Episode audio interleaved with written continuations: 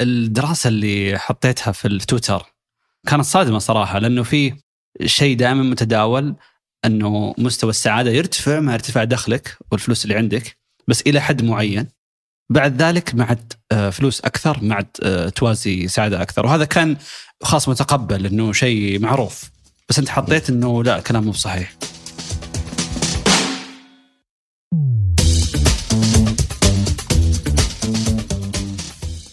هلا هادي تأخرت علي اليوم. آه اليوم قررت إني أصير أذكى من جوجل مابز وأجيك من طريق ثاني. معاناتي مع المكان اللي إحنا نسجل فيه إنه أجي في وقت ساعه الذروة. ونشبت الزحمة. أي نشبت في الزحمة. ف اي اليوم غير المعتاد ف طبعا اهلين حقين الرياض بيعتقدوا إنه ما عندنا زحمة في الشرقية بس أحيانا تصير. ما عندنا زحمة في الشرقية. أخذت 50 دقيقة يا أخي. طيب بس إنه يعني يعني صارت إنه استثناء بالقدر إنها تسوى تصير سالفة. 50 دقيقة ما هو بسالفة. آه أكيد. إحنا خلاص خلصنا الموسم اللي نسولف فيه عن الرطوبة فلازم نلقى شيء ثاني نسولف آه. عنه الحين. من جد الزحمة يعني ما هو ما هو بس لأن أنت أنت يعني تعاني منها. إذا كنت تعاني منها تعاني منها كل كل يوم فتشتكي منها دايم. لكن يا أخي سواء عندنا ولا في أي مكان ثاني موضوع الزحمة يتكرر في أكثر الأشياء اللي الناس تشتكي منها، أكثر الأشياء اللي تسبب الضغوط النفسية، تسبب الكآبة. غريب من جد يعني آه، أتوقع في لأن في في حساب مادي الزحمة كم تكلف من ناحية الساعات العمل الضائعة ومن ناحية الوقود اللي ينحرق وانت واقف وكذا لكن من ناحية التكلفه كصحه آه، نفسية ما أنحسب أتوقع. ما تنحسب بس هو كثير من الناس يقول لك إنه صحتك النفسية أو حتى جودة حياتك تعتمد بالوقت اللي ما تحتاج إنك الوقت اللي لك م. أنت عندك ثمان ساعات تعطيها لرب العمل وإذا أعطيته زيادة منها ثلاث ساعات م. أعتقد هذا اللي يخلي الناس تشعر بالغيظ وال... والتأثير النفسي إنه في وقت ما يندفع عليه فيه وفي نفس الوقت أنا مستعد إني أقضيه مع إنه إحنا المفروض ما نزعل من الزحمة ترى هي اللي ماشية سوق البودكاست يعني. أي صح. لكن بشكل عام لا في دراسات الدراسات اللي غالبا كل يوم لما تدخل في دراسة يسألوك إنه إيش سويت أمس وكيف كان مستوى سعادتك؟ اللي هي دراسة التجارب.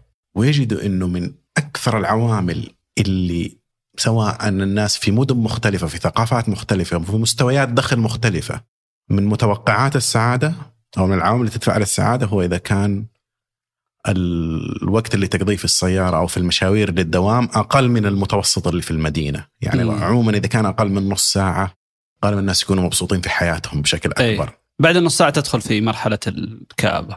تدخل مرحلة الكآبة انه مدينة زي الرياض ممكن فوق الساعة مم. إذا وصلت.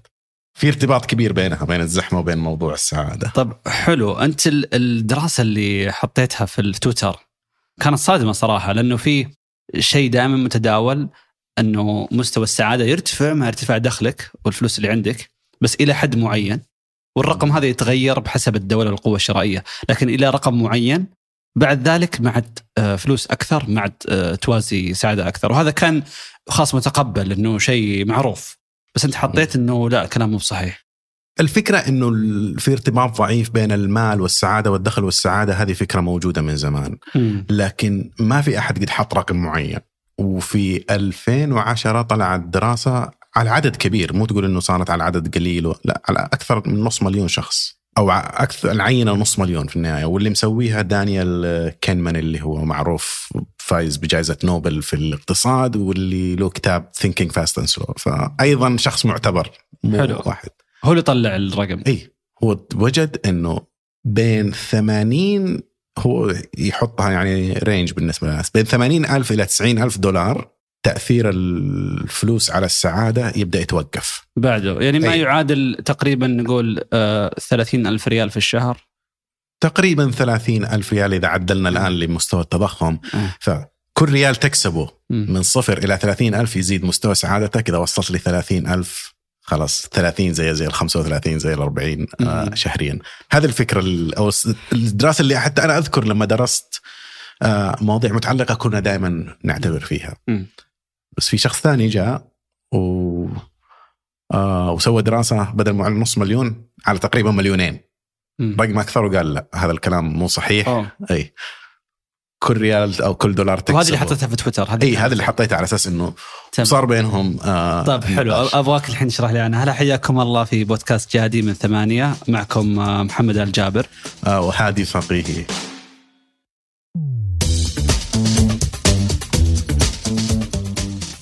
العينة كانت 2 مليون شخص شا- شاركوا في الاستبيان. أعتقد مو شخص بس تجربة يعني إنه مثلا لو أخذتك محمد وسألتك آه سبع أيام مختلفة يعتبر العينه اللي طالعة منك سبعة آه أوكي فهذه يظل أيضا يعني إنك تقول أو ممكن اليوم انت مبسوط ممكن بكرة مبسوط فشيء جيد أحيانا لما تجمع أكثر من بس لو كانت آه، العينه بعشرات الآلاف من الاشخاص يعني أتوقع رقم جيد يبين لك يعني. إذا إذا كان اختيار العينه بطريقة سليمة طبعا هو. اختيار العينه بطريقة سليمة أكبر وأهم من حجم العدد. العينه. أحيانا ممكن يكون عندك مليونين بس مختارهم بطريقة غلط.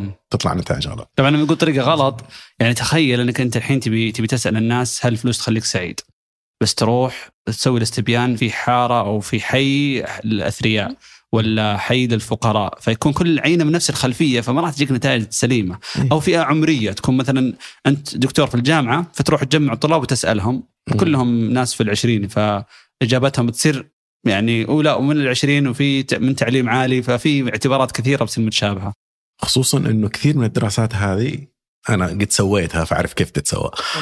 تكون غالبا تحط إعلان في الجامعة وتعطي الطلاب 10 دولار وتعطيهم بيتزا. تشوف اللي يجي يس- إيه. يجاوب تجمعهم في مختبر وتيجي تسألهم آه تخيل إنه زاد دخلك ب 100 أو 200 والله بالآلاف. شخص ما زال ما قد اكتسب راتب. يعني لما الناس تقول لك الفلوس ما تتوقع السعادة في أحد سأل بيل جيتس أو جيف بيزوس أو مم. الناس هذول اللي عندهم أرقام آه خرافية. طبعا أكيد لا لأنهم ما يجاوبوا عليها. بس نرجع لأن أنت قلت إنه الدراسة اللي سواها الرقم اللي قبل كان موجود إنه الفلوس تزيد مستوى السعادة إلين ما يوصل دخلك 90 ألف دولار في السنة. ما يعادل تقريبا 30 ألف ريال في الشهر. إيه. بعد كذا زيادة الفلوس آه إيه. ما تزيد مستوى السعادة. ما تخليك آه أتعس بس إنه ما تأثر أقل تأثيرها.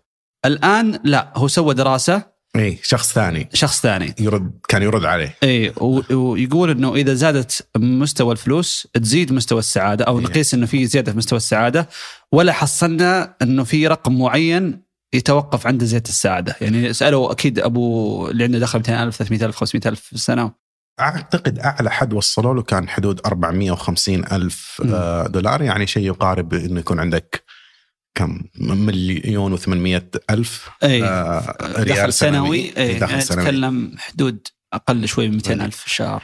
طبعا هم الشخصين أجروا الدراسة كل واحد آه، لوحده كانيمان هذا موجود في جامعة برينستون. والشخص الثاني اللي راد عليه أتوقع اسمه كان كيلينغزورث موجود في جامعة وورتن كلها Ivy League فأكيد كل واحد Ivy League يعني ما أدري ببساطه جامعة إيه. فخمة خلينا نقول. أي جامعة فخمة. الجامعات اللي إذا رحتها خلاص ما تحتاج تشتغل. يوظفونك عشان اسمك. الجيد إنهم الاثنين اجتمعوا في مقالة واحدة يكتبوها يناقشون ليش النتائج مختلفة. حلو. وهذا نادر جدا في المجال العلمي إنه اثنين يطلعوا من نتائج مختلفة أصلا يروحوا يشرحوا للناس. فهذا الشيء اللي أنا شاركته يعني هذا يعتبر طلعوها في بداية السنة. هنا النتائج المذهلة اللي حصلوها. طلع الأسئلة اللي كان يسألها الأول كينمان اللي وجد فيه حاجز. حدود ال ألف للناس. ما كان يسألهم عن السعادة فعليا كان يسألهم عن التعاسة. هل أنت حزين؟ هل تمر بمشاعر يعني يعطيهم من مشاعر اللي هي المشاعر الجيدة إلى المشاعر السلبية. إيه. فعليا هذا مقياس للتعاسة. والتعاسة والسعادة شيئين مختلفة آه ففي دراسته الأولى كان كان يسأل الشخص هل أنت مثلا تعيس؟ إيه. وبعدين يشوف معدل إجابة مع ارتفاع الدخل مع ارتفاع الدخل فما كان يسألهم هل أنت مبسوط؟ غالبا لا. يكون في سؤال يعني يعتبر يؤشر على السعادة فواحدة منهم بس حتى الطريقة اللي أنا أسألك مبسوط ممكن أسألك بشكل جيد إنه كيف أنت راضي عن حياتك إيه هذا طريقة لقياس السعادة أو الشيء الثاني هل أنت جالس تمر بمشاعر سلبية أو غير راضي عن حياتك. إيه. هذه مو نفس الأسئلة. واللي صار هنا إن في حالة كينمان إنه وجد إن بعد 80 ألف تأثير الفلوس على تقليل التعاسة يختفي. يعني مم. مستوى التعاسة اللي يختفي من حياتك. طيب أحس إنها تختلف. يعني آه اختلفت إذا أنت إذا كان السؤال في الاستبيان إيه؟ آه أو أو آه طريقة البحث تقليل التعاسة. وبعدين لما نشر البحث آه نشر كأنه ما مدى تأثير الفلوس على السعادة أتوقع ان شيئين مختلفه الحين. هذه المشكلة صراحة أحيانا تصير الناس ما تنتبه لها أو تصير تتعمد. إنه أنا أقول لك أنا سألت عن شيء بينما لما أروح أطالع إيش اللي أنت سألت عنه فعلا السؤال يختلف. وأحيانا تكون الفروقات بسيطة الناس ما تلاحظها وأحيانا تكون الفروقات كبيرة. بس هذا يعتمد على فين لذلك أنا مثلا لما أقرأ اي دراسة أبغى أطالع في الجدول أبغى أطالع في الأسئلة اللي أنت فعلا سألتها. عموما الشخص الثاني اللي سأل أي. اللي طلع إنه ما في الدراسه الجديده اللي ما إيه. في حد. ما في أحد أو ما في حد لا كان يسأل الناس عن السعادة. هنا يطلع فرق. مثلا اليوم لو أنت مهموم وشايل في في بالك آه، تكلفة تصليح سيارتك أو أمراض أو شيء زي كذا هذا شيء تدل على السعادة. بس لو تصلحت سيارتك أو سددت ديونك هل مستوى رضاك عن حياتك ومعناها حيزيد؟ بالنسبة لبعض الناس ممكن بالنسبة لبعض الناس لا هذا شيء ثاني مستوى رضاي عن حياتي ومعناها آه، لها أمور ترتبط بجودة علاقاتي الاجتماعية، مكانتي في المجتمع، مو بالهموم وال والمصاعب اللي أنا أعيشها. وفي هذه الحالة لا الفلوس بالعكس ممكن لأنه إحنا صرنا نعيش في مجتمع الفلوس تعبر عن النجاح تعبر عن القيمة مو بس تعبر عن الأشياء اللي أنت تقدر تشتريها ما هي بس إنها تحل مشاكل مادية حتى أي طب قبل لا يعني يزعلون حق علم النفس إحنا دخلنا في مجالها بس بس مو المفروض إن الدراسات تعاد عشان يعني توثق أو يصير لها قيمة اعتبارية إنها تم تطبيقها في مكان ثاني في مجتمع ثاني عشان نشوف نفس النتائج. أتصور إنها دراسة كانت في أمريكا. طبيعة المجتمع اللي هناك بتأثر شوي في في, في الإجابات. إذا كنت في مجتمع أو أقل شيء أنت في مكان أغلب مشاكلك في الحياة ممكن تنحل بفلوس ثم بعدين تجي على الجوانب الأخرى ما عندهم ما أقول ما عندهم آه، جانب عائلي وكذا أكيد موجود بس أقصد طريقة نظرتهم للجوانب هذه تختلف عن في آسيا عن أمريكا الجنوبية عن الشرق. الأوسط كل مجتمع له خصوصية معينة. قيم المجتمعات تختلف أكيد طيب هذا ما تتوقع بتأثر لو جيت سويتها في مكان ثاني؟ احتمال إنها تأثر وفي كثير طبعا هذا الموضوع أول شيء موضوع السعادة ترى مو بس علم نفس يعني من المواضيع اللي خصوصا خلال ال 30 سنة الماضية أصبحت من أهم المواضيع اللي تبحث في الاقتصاد وحتى الآن في فرع من فروع الاقتصاد اسمه اقتصاد السعادة. مم. فالسؤال أيضا مهم. هنا يفرق عندنا شغلتين الشغلة الأولى هل أصلا الدراسة صحيحة على العينة اللي أنت سويتها؟ هذا أول شيء يهم. أي. وبعدين هل الدراسة تنطبق على عينات أخرى؟ صح مثلا دراسة سوت في أمريكا ما تنطبق على أماكن ممكن العلاقات الاجتماعية أهم، التدين أهم، ممكن الحكومة يكون لها دور أكبر في توفير الحصانات للناس في أمريكا. كل واحد لوحده يعني في النهاية لا في ضمانات في مسألة الصحة أو في مسألة الوظيفة وما إليه. هم أيضا المشكلة إنه كثير من الدراسات اللي تجرى في هذا المجال والسبب إنها تسأل عن شيء صعب جدا قياسه. كيف تقيس أصلا السعادة؟ وكيف تعرفها من شخص لشخص آخر؟ هنا تصير الإشكالية أصلا. هل هذه الدراسات يمكن الوثوق فيها؟ ممكن ندخل في هذا الموضوع اللي أصلا علم النفس كله هل يحتاج نمحي كل شيء سويناه قبل؟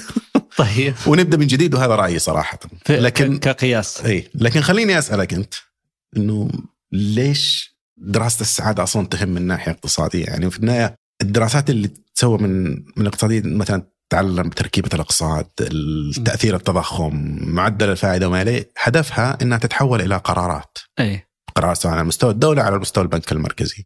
تروح تسأل لي الناس مبسوطين أو ما هم مبسوطين إيش دخل؟ والله شوف لأن لأنه في- حجج معينة. يقول لك إنه أوكي أنت بس تركز على الأرقام لكن الأرقام آه، هي مجرد حبر على ورق. أنت لازم تشوف تأثيرها على حياة الناس. إذا أنت بتحط سياسة معينة على الرقم الناتج المحلي حقك نما لكن الناس اللي تشتغل فيه وتعيش فيه في داخل الاقتصاد صارت آه، في وضع نفسي أسوأ. فأنت ما ما حققت نجاح. فأتوقع هي محاولة إنك تسوي زي الجسر بين وش اللي صحيح نظريا وبين اللي ينعكس وندخل في مشكلة إنك ما تقدر تقيسه، لكن إذا طلعت من موضوع أتوقع يمكن السؤال اللي اللي اللي آه، بدينا فيه اللي هو هل السعادة أو هل الفلوس تشتري السعادة؟ وقع السؤال يختلف على حسب من المستمع، ففي مستمعين يمكن يسمعوا هذا السؤال وهو في باله اي هل لو زاد فلوسي وصار عندي القدر الكافي إني أنا أسافر وأركب درجة أولى وأشتري يعني براندات ومدري إيش، هل هذا الشيء كافي بيخليني مبسوط؟ وطبعا في ناس مقتنعة أصلا يعني بس يبي يسمع شيء يأكد القناعة دي. بس لا ننسى إنك إذا هذا اللي جاء في بالك سمعت السؤال فترى أنت من أقل من 1% من من سكان العالم. الأعلى من ناحية الدخل. لأنه أغلب سكان العالم في فئة دخل مرة مرة قليلة. فعليا إذا أنت دخلك ما يعادل تقريبا 7000 ريال شهريا. أنت في الواحد في المية أعلى شيء في العالم. أعلى شيء في العالم. فلما نجي نتكلم عن السعادة وحتى نشوف إن أكثر الشعوب سعادة وش المقياس اللي يقيسون فيه؟ على حسب أكثر شيء شفته صراحة منتشر يقيس لك الأشياء العامة زي الصحة، التعليم، الوصول إلى رعاية الأطفال، موضوع الأمان الاجتماعي، موضوع الأمن وال هذه الأشياء هي أساسية والحمد لله متوفرة آه عندنا. فما نحسها هي مقاييس، إحنا نروح على أشياء كماليات الكماليات، إحنا نشوفها هي المقياس، لا يعني إنه ما في يمكن نسبة قليلة يعانون من بعض الأشياء حتى الأساسية، بس الأغلب كمجتمع إحنا تجاوزنا هذه الأشياء الأساسية. فأنا أتصور إنه إيه إذا قستها كم دولار في الدخل آه للفرد. إذا ارتفع تختفي مع وفيات أطفال يختفي الوفيات من الأمراض اللي تجيك من شرب الموية حتى آه ما في صحة عامة ما في طرق ما في أمن آه الأدوية ما تجيك مغشوشة ما في أي رقابة عليها. هذه الأشياء كلها إي نعم اللي شاف مثلا النمو الاقتصادي اللي يصير في بعض دول أفريقيا وكيف انه يرفع مستوى خاصة في المراحل الأولية. لما تكلم من معدل دخل 200 300 دولار في السنة للفرد إلى 1000 2000 دولار معدل ارتفاع في مستوى المعيشة مرة يرتفع وأكيد معها السعادة لأنه يغطي أشياء أساسية تماما. لما تطلع إلى ال 50 60 ألف دولار في الد... اللي هو أكثر الدول غنيه في العالم. هنا يجي السؤال اللي أتوقع إحنا الآن نناقشه. صح إنه هذه فكرة أنت ذكرتني برد جميل على دراسة من النوع اللي دائما تسمعه. الآن لو الناس تسألهم اصرف فلوسك بطريقة تخليك سعيد أكثر. طيب كيف أصرف فلوسي بطريقة تخليني سعيد أكثر؟ واحد يقول لك إنه اصرف على التجارب ولا تصرف على المقتنيات. أي. يعني سافر أو مسوي تجربة جديدة لا تروح تشتري تلفزيون ولا تشتري إذا عندك تلفزيون اي ما تحتاج تلفزيون ثاني. بس اللي ما عنده تلفزيون أي. تفرق معك اشتراء المقتنيات. صح. إذا ما عندك سيارة أول مرة تشتري فيها سيارة يعني مهما كان موديلها أهم شيء إنها تمشي. م. تغير في حياتك أكثر من لما تنتقل من كوريلا إلى لكسس وبعدين إلى بورشة وما إليه. فهذه الأشياء اللي دائما تصير تجيك يعني من مجتمعات خلاص غطوا كل الأساسيات وينظروا على الباقيين. بس خلينا نرجع لموضوع الدرجة الأولى. لأني أنا أتذكر متى أول مرة ركبت درجة أولى. أه. على رحلة دولية. ركبت درجة أولى من الدمام لجيزان بس أه. ما احسب داخل الرحلة المحلية ما أه.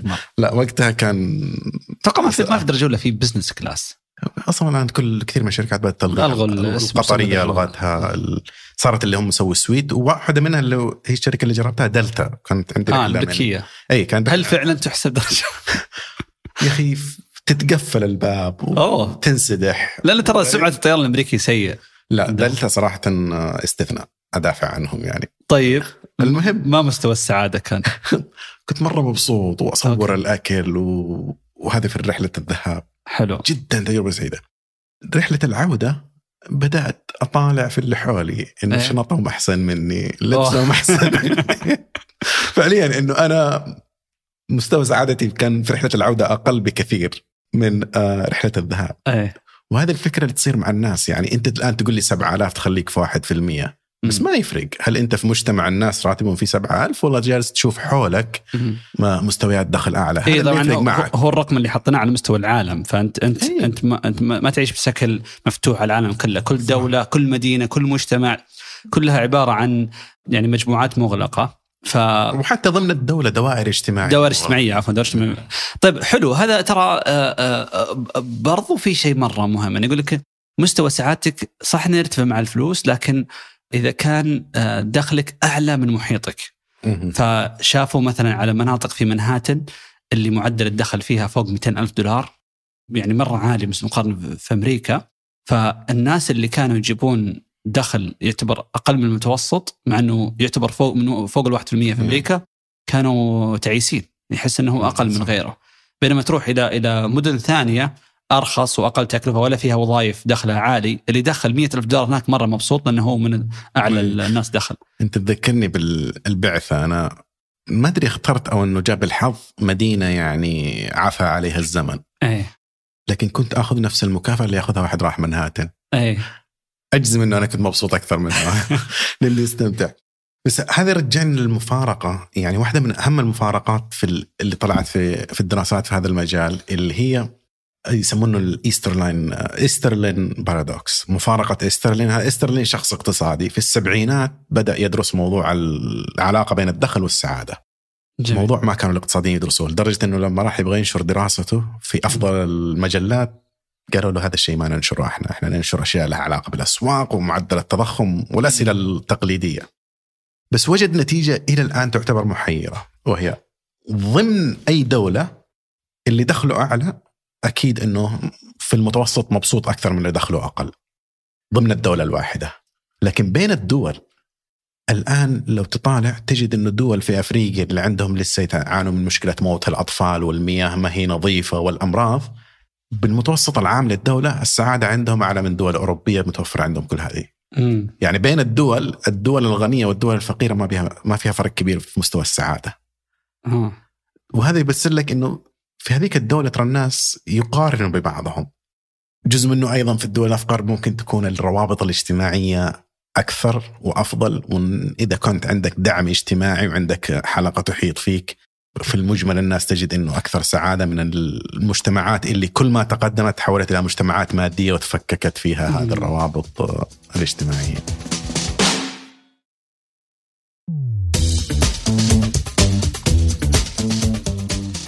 ما تحس ان في مشكلة في موضوع لما تسأل من دولة لدولة؟ أصلا مفهوم السعادة نفسه متغير فكيف كيف تسأل؟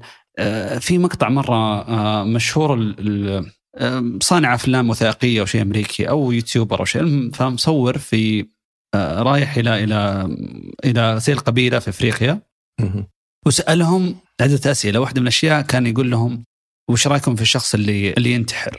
يبغى ياخذ كيف ينظرون للمشكلة زي كذا. ما فهموا عليه. لأنه فكرة الانتحار عندهم مين موجودة.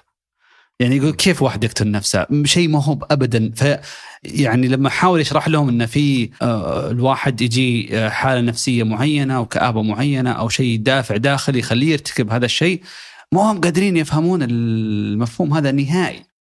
فلما تجي تشوف إنه في يعني آه، شيء منتشر بها غير مفهوم بين الثقافات فلما تجي تقول عن السعادة يمكن الشخص يعاني في حياته معاناة كثيرة وأغلب أيامه ما بسعيدة بس لما ترجم له مفهوم السعادة يمكن يشوف على على الرضا أو على إنه هو ممتن لوجوده أو كذا. فبترجمة إنه اي أنا راضي أو أنا سعيد. مع إنه لو تحصل في نسبة بسيطة من المعاناة اللي يعاني منها هذا الشخص تروح إلى شخص في مجتمع ثاني بيشوف إنه هو شخص آه، تعيس وما تحس إن هذه مشكلة في القياس؟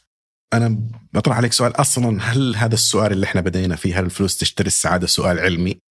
لأن الأسئلة العلمية لازم تدرس شيء تقدر تقيسه وتقيسه بشكل منضبط على مستوى الوقت. مثلا مستوى فلوسك أمس ومستوى فلوسك اليوم ومستوى فلوسك بكرة هذا مقياس واحد. ما أستخدم آه، أمس مقياس واليوم أستخدم مقياس جديد. المقياس ثابت. الآن هذا شيء أقدر أدرسه. عشان كذا نعدل على مدى سنوات لما تدرس مستوى الدخل لازم تعدل على مسألة التضخم. ألف ريال اليوم ما هي زي ألف ريال آه، قبل عشرين سنة. لكن لما نجي لموضوع السعادة هل أصلا تعريف السعادة قبل عشرين سنة زي تعريف السعادة اليوم؟ أول الحلقة الاجتماعية اللي تشوفها حولك حلقة محدودة جدا. م. اليوم تشوف الناس اللي يتفرج لك المشاهير ويتوقع أنه كل الناس تسافر وتجلس في منتجعات وتأكل أحسن أكل أنه هذه الحياة الطبيعية. أيه. نفس الشيء تيجي لهذه المقارنات إنه تعريف السعادة ممكن عندهم شيء ممكن إنه عائلتك عندها دخل أو إنك عندك روابط أو يختلف على مستوى الثقافة. بس الشيء الثاني اللي يدخل في هذه الأشياء ممكن تصير فيها مواضيع ثقافية إنه تعريف الناس أصلا لمعنى الحياة بالنسبة لهم. إحنا الآن ندخل في مواضيع فلسفية. يختلف جدا. مثلا ليش المجتمعات المتدينة بغض النظر عن مستوى الدخل أعلى سعادة من المجتمعات الغير متدينة؟ جزء منه إنه الدين غالبا يعني في جانب اجتماعي. تروح أي. المسجد وتقابل ناس ودائما يسألوا عنك وإذا ما رحت. اي هذا يحسسك في نشاطات مشت- مشتركة وفي وتحس برضه في قيم مشتركة وتحس انه في انتماء. هذه كلها أشياء في محاولات ان إن آه، يعاد تصنيعها بشكل مادي بس ما هي بناجحة. اي فأنا إذا رجعنا لدراستنا الأولى بالعكس أحس إنه نسأل الناس عن التعاسة أفضل من إنك تسأل عن السعادة لأنه تحس التعاسة سهل تعرفها شويتين إيه. بس ما هو مشكلة إنه في مرحلة معينة يعني أنت في درجات من التعاسة. بس خلينا نقول زي زي الحرارة إيه. الحرارة في في absolute zero في الصفر المطلق إنه ما عاد في شيء أبرد من كذا لأنه انعدام لل لكن مستويات الحرارة غير محدودة. فمشكلة ال- التعاسة إنه في مستويات التعاسة بس إنه توصل لمرحلة إنه أنا ماني بتعيس خلاص. بس ما عاد في لما تدخل إلى إلى بعد ذلك هنا تقيس مستوى السعادة. هل هي لازم تستمر في قياس السعادة؟ يمكن غير غير نهائية. ما ما تدري أصلا كيف تقيسها ما في لها حد أعلى. أصلا إيش هي الوحدة؟ أنت الآن جالس الحرارة على الأقل في وحدة. يمديك تطلع فيها. هناك ما تقدر تطلع بالوحدة لأنه غالبا لما تسأل الناس اللي جرب هذه الأسئلة دائما توافق بشدة أو لا توافق بشدة. ويكون في خمسه أو سبع خانات في الاستفتاء أي. وبس. لذا نرجع إنه التعاسة تقدر تقيسها بمقاييس واضحة. مثلا إذا أنت تعيش في مكان فيه معدل جرائم أكبر أو إذا كان آه، الوفيات من الأمراض أو معدل البطالة أو معدل التضخم هذه على الأقل مقاييس تقدر تحولها إلى أرقام وتقيسها وتقارنها من مجتمع إلى مجتمع آخر. طبعا تحتاج إنك تقارن المجتمع بنفسه. لأن. الناس طالع كيف كان وضعها قبل سنة أو كيف كان قبل وضعها في نفس الوقت عشان تقول هل أنت سعيد ولا لا فنرجع لهذا الموضوع إنه أصلا هذا السؤال مع إن الناس قد قضت فيه كم كبير من الدراسات خصوصا لما تجي من علم النفس. أنا أفكر وأقول أصلا هذا سؤال مفيد إنك تسأله إذا أغلب الناس يعني جالسة تعمل يوميا أنها تحسن من دخلها وتحسن من آه، وضعها الاجتماعي بهدف ان يصيروا سعداء أكثر. أنا أحس إنه هذا سؤال لازم يسأل أكيد.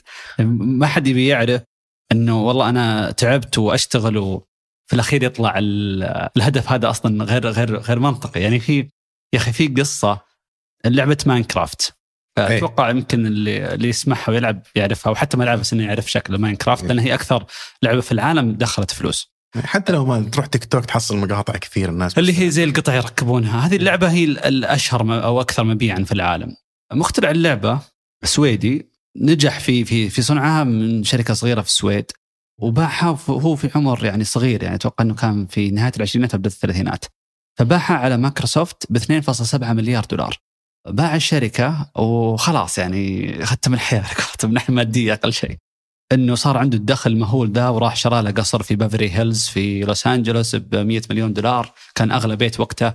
فاجأ الناس إنه في حسابه في تويتر كان كاتب طبعا بترجم من التغريده حقته لكن كان كاتب إنه مشكلة إنك تحصل على كل شيء تبغاه إنك ما عاد يبقى عندك شيء آه، تسعى له آه، ولا تقدر إنك آه، تتعامل مع البشر لأنه بصير يعني في عدم تطابق مادي يخلي آه، الأشياء اللي كنت تقبلها قبل الناس ما عاد تقبلها. فهو كان يقول مثلا عندي فلوس ودي أسوي أي شيء بس أصدقائي اللي من قبل عندهم عوائلهم عندهم التزاماتهم ارتباطاتهم ما هم فاضيين لي.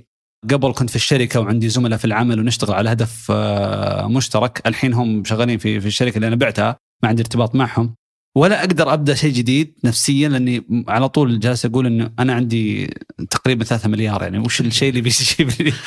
أنا جالس بس أحاول أحسب. فهذا الشخص اللي لو عنده اللي عنده تقريبا 3 مليار وفي أه. الثلاثينات لو عاش إلى 100 سنة وكل يوم يصرف مئة ألف دولار. ما بتخلص.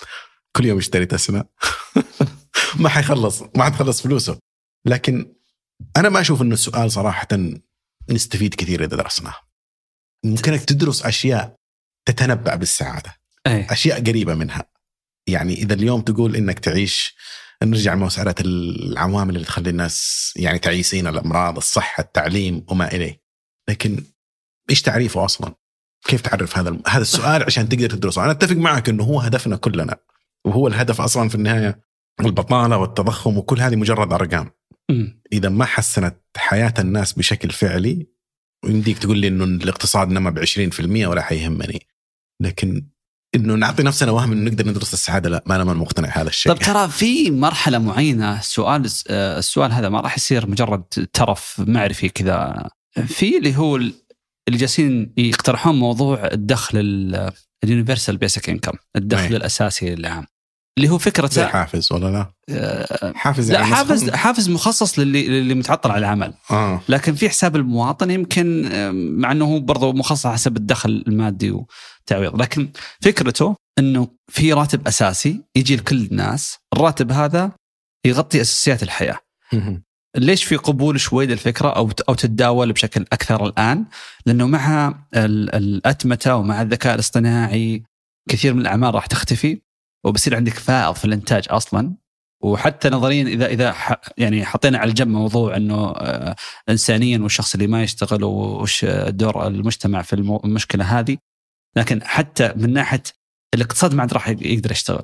إذا نظريا وصلنا لهالمرحلة هذه برضو فيها أخذ وعطاء. لكن نظريا لو صار نقدر ننتج كل شيء بدون ندرة فمين اللي راح يشتري إذا ما في أحد عنده دخل؟ فالفكرة إنه بيصير في زي نوع من الضريبة على الروبوتات وعلى الذكاء الاصطناعي يحول منها مبلغ يتوزع بشكل متساوي على الناس ويصير مفتوح لك المجال للعمل بس الأساسيات الحياة مغطاة العمل إضافي على حسب موهبتك وعلى حسب إيش تقدر يعني في إنه أكيد تخلق وظائف ما ما نتخيلها الآن فيها قيمة مضافة الناس راح تختار تصرف عليها.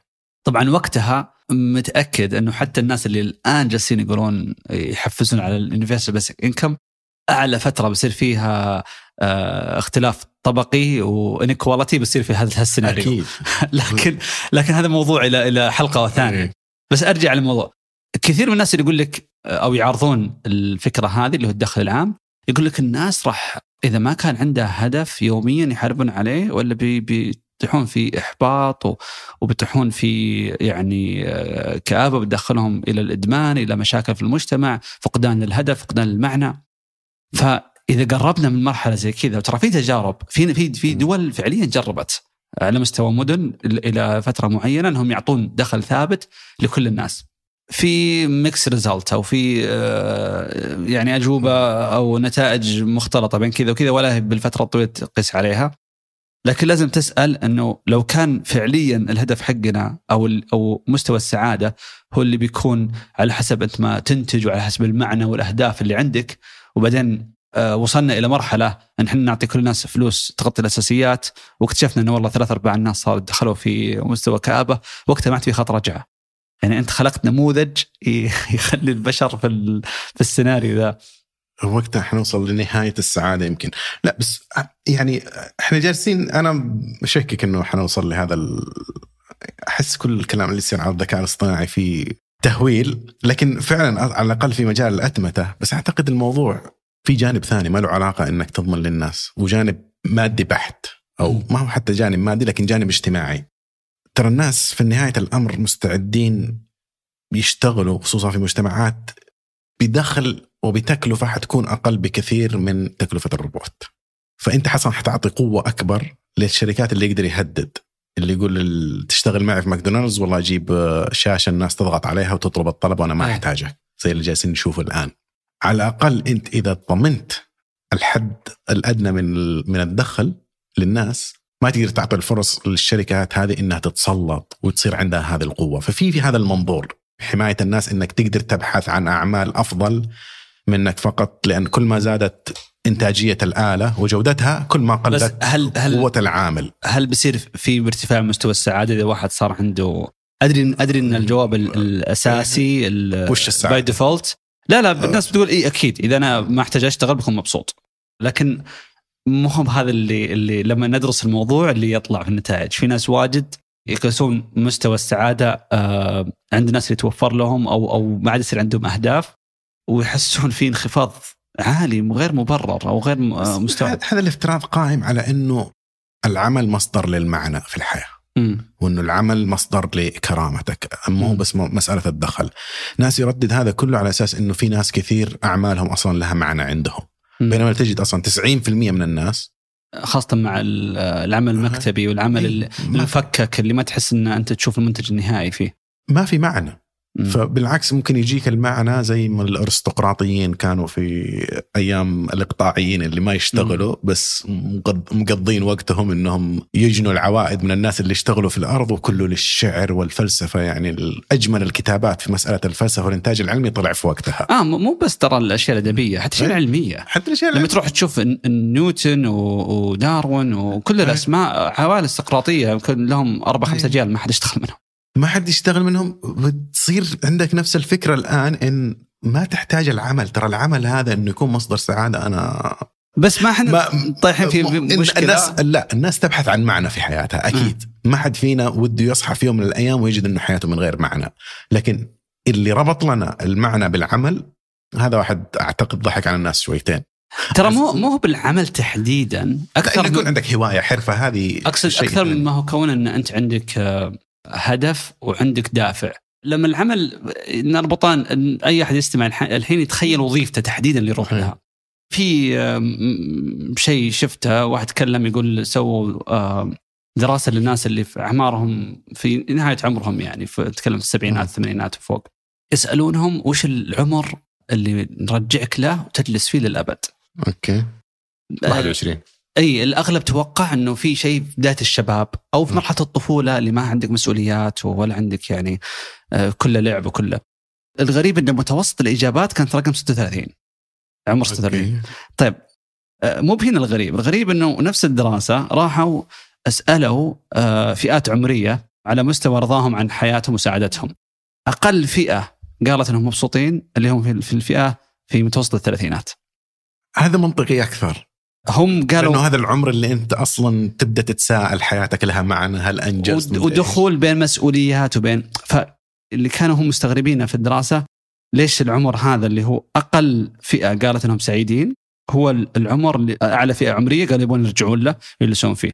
كان في أكثر من تحليل، واحدة من التحليلات الأشياء السلبية أو المشاعر السلبية اللي لحظتها تجيك من المسؤوليات اللي عندك والالتزامات و...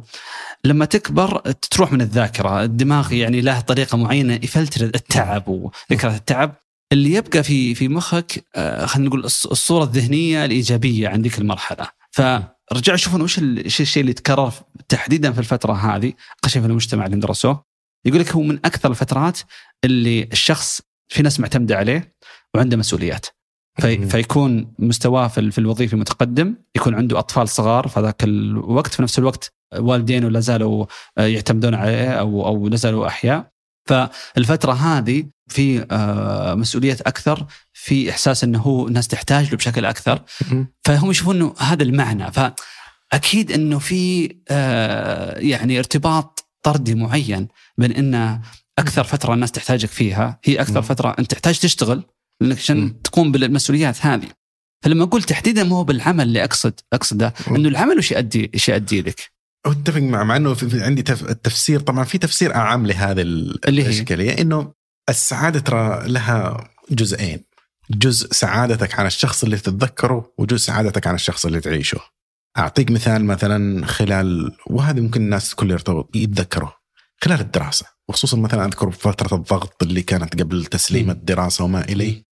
ابدا وقت ما كنت أنام فيه بشكل جيد ودائما مهموم وما إليه لكن لما أرجع وأتذكر هذه الفترة فعلا زي ما قلت أنسى كل المشاعر السلبية وأنا مبسوط عشان الإنجاز م. اللي تسبب فيها ومعظم الناس لو تسألوا عن وضعه الراهن ما يعرف أصلا إيش الأشياء اللي تخليه سعيد والسعادة بكثير من الناس إذا دخلناها من الجانب الفلسفي هي شيء تتذكره وشيء ما تعيشه. إيه أعطيك مثال دراسة شخص وأعتقد هي نفس الدراسة اللي وجدت إنه ما في أو في علاقة طردية لأنه طريقة الدراسة هذه كان يرسل للناس على الجوال إيش جالس تسوي؟ من ضمن من ضمن المشروع إنه إيش جالس تسوي الآن؟ وما مدى سعادتك باللي تسويه؟ كذا آه في أوقات يعني عشوائية من اليوم حلو إيش تتوقع التصرف اللي وجده إنه يخلي الناس مبسوطين؟ شيء إذا سووه في ارتباط قوي بسعادتهم. اللي هو؟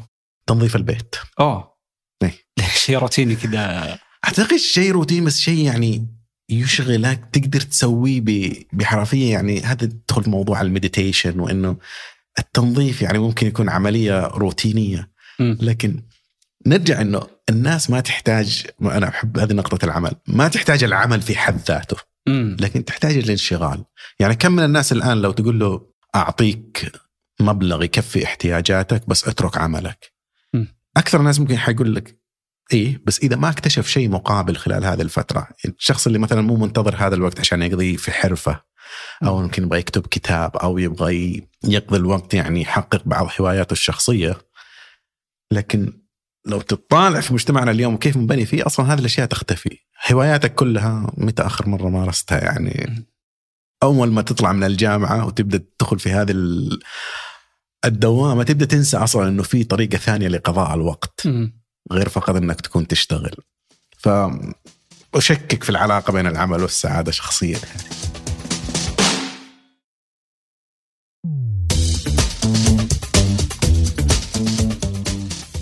طيب في في خلينا نجي دراسه ثانية ال- ال- الأماكن اللي فيها أكثر معمرين أي. آه، المناطق الزرقاء يسمونها. أي.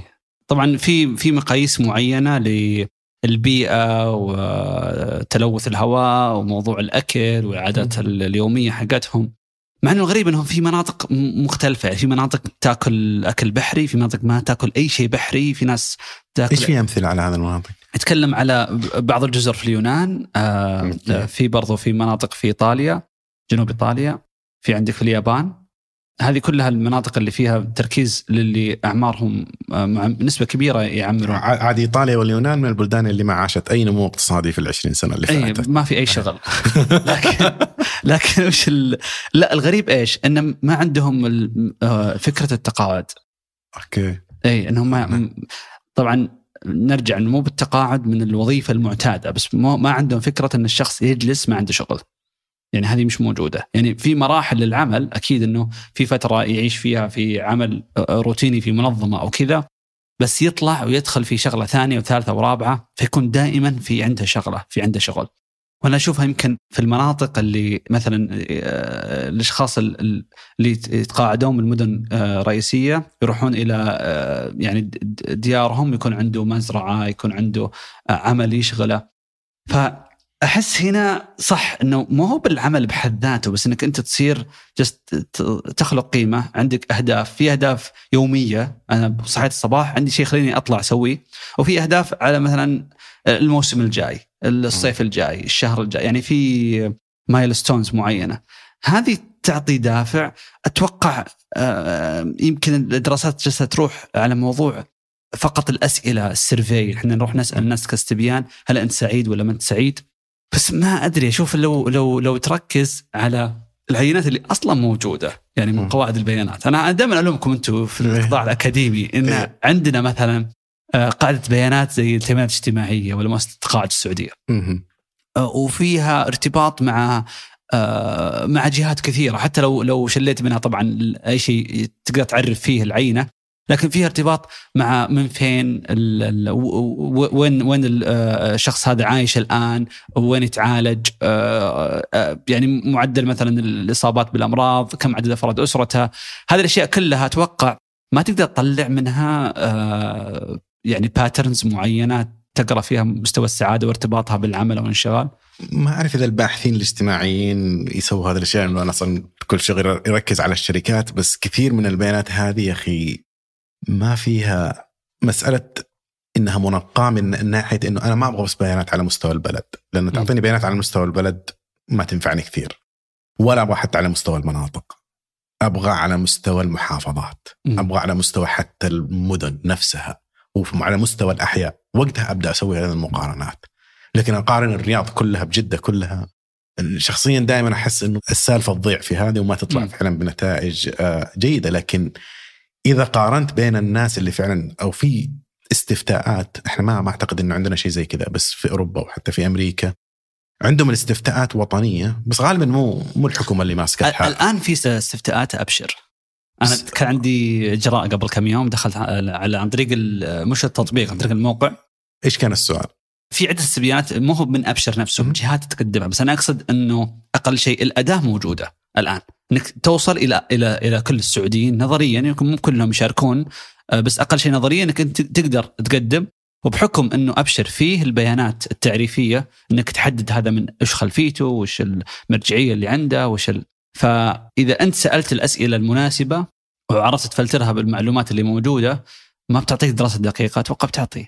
هو على حسب التصميم لأن أنا يعني جزء من هذه الدراسات إنك لازم تقارن الشخص نفسه سنة بعد سنة أي. بحيث إنه تعتمد على منهجية السؤال بس من أفضل المنهجيات اللي يسمونها البانل ديتا لازم أراقب نفس الشركة على مدى 12 سنوات، أراقب نفس الأسرة على مدى 10 سنوات، أراقب م. نفس الشخص عشان أقدر أحلل في النهاية هل الفروقات هنا كانت لها عوامل من داخل الشخص نفسه أو لها عوامل من داخل آه، يعني ما أقدر أقول متقاعدين مثلا من المدينة الفلانية آه، عمرهم أو صحتهم أفضل من المدينة الثانية، لازم نفس الشخص أشوفه. لا أنا أقول لك رصانة المنهجية بس لا ندخل آه. يعني في موضوع التصميم بالبحث العلمي، بالمناسبه يعني مثلا في قرية في ال... أو ما هي قرية يعني إحنا بنقول قرية يعني فيها آلاف الأشخاص في النرويج إيه.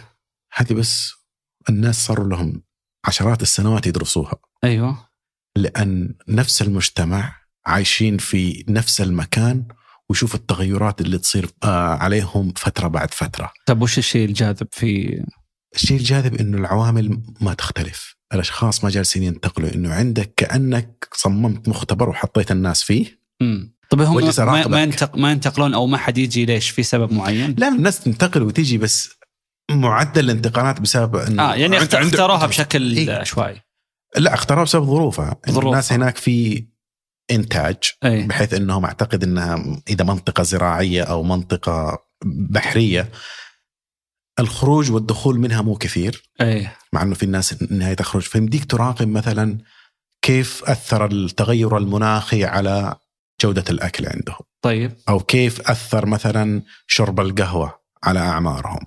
لأن أنا إذا حاولت مثلا الآن خلينا سؤال إبغى أدرس إنه كيف ياثر شرب القهوة على الناس.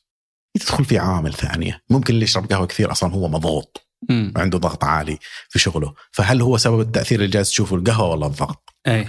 فأحتاج إني أعزل كل العوامل الثانية وجزء منها إني أراقب نفس المجموعة على مستوى الوقت بدل ما كل مرة أدخل آه أشخاص جدد يروحون. أي. وهذا يرجعنا لموضوع السعادة إنه ليش الدراسات اللي فيها معقدة؟ لأنه ما يمديك تراقب نفس الأشخاص. مع إن في دراسات اللي مثلا اللي تعجبني في هذا المجال اللي يسوونها على اللي يفوزوا بال باليانصيب آه اليانصيب اللوتري. إيه. في هذه الدراسات يختاروا الناس اللي اشتريت تذكرة اليانصيب أحيانا تفوز مبلغ عالي أحيانا تفوز مبلغ يعني لا بأس. أعتقد سووها على الناس اللي يفوزوا بملايين. م. وبعدين تتبعوهم لسنوات طويلة. كل سنة يروحوا في نفس الوقت ويسألوهم. إيش مدى سعادتك؟ فالنتيجه اللي حصلوها أعلى مستوى من السعادة طبعا أول ما تأخذ الجائزة. المبلغ أو إيه. مبلغ جائزة. بعد سنة يبدأ هذا التأثير يضعف بس أنت لا زلت سعادتك أكثر من سعادة الناس اللي حولك لأنهم يسألوك ويسألوا الناس اللي حولك. لكن ثاني ثالث رابع سنة خلاص التأثير هذا يضيع وتصير مستوى سعادتك مع أنك ما زلت أغنى. إيه. الفلوس ما راحت.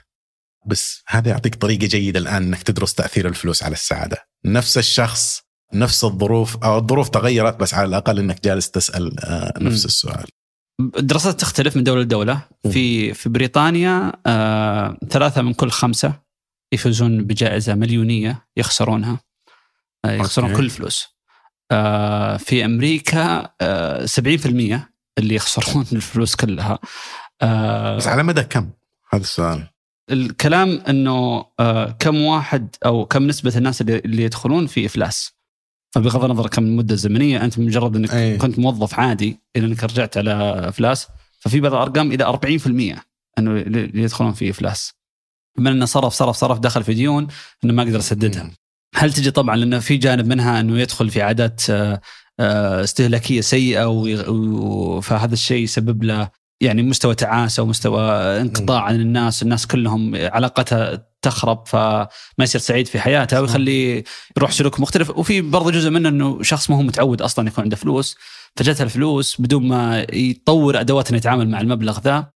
فطبيعي إنه يدخل في آه، يعني قرارات خطأ ولا استثمارات خطأ ولا ينضحك عليه إلى آخره. فالفئه هذه هي أكيد إنها مثيرة للاهتمام من ناحية البحث بس أغلب الناس يمكن ما يفكر كذا يفكر إنه لو أنا عندي بزنس ونجح وجاني مبلغ كبير أو بعت شركتي بمبلغ كبير أو أو أنا انتقلت إلى إلى وظيفة معينة وزاد دخلي إلى دخل أعلى أو حطيت أو في وهم دائما إنه في استثمار ما حد يدري عنه بحط فيه فلوس وبسوي ألف ضعف.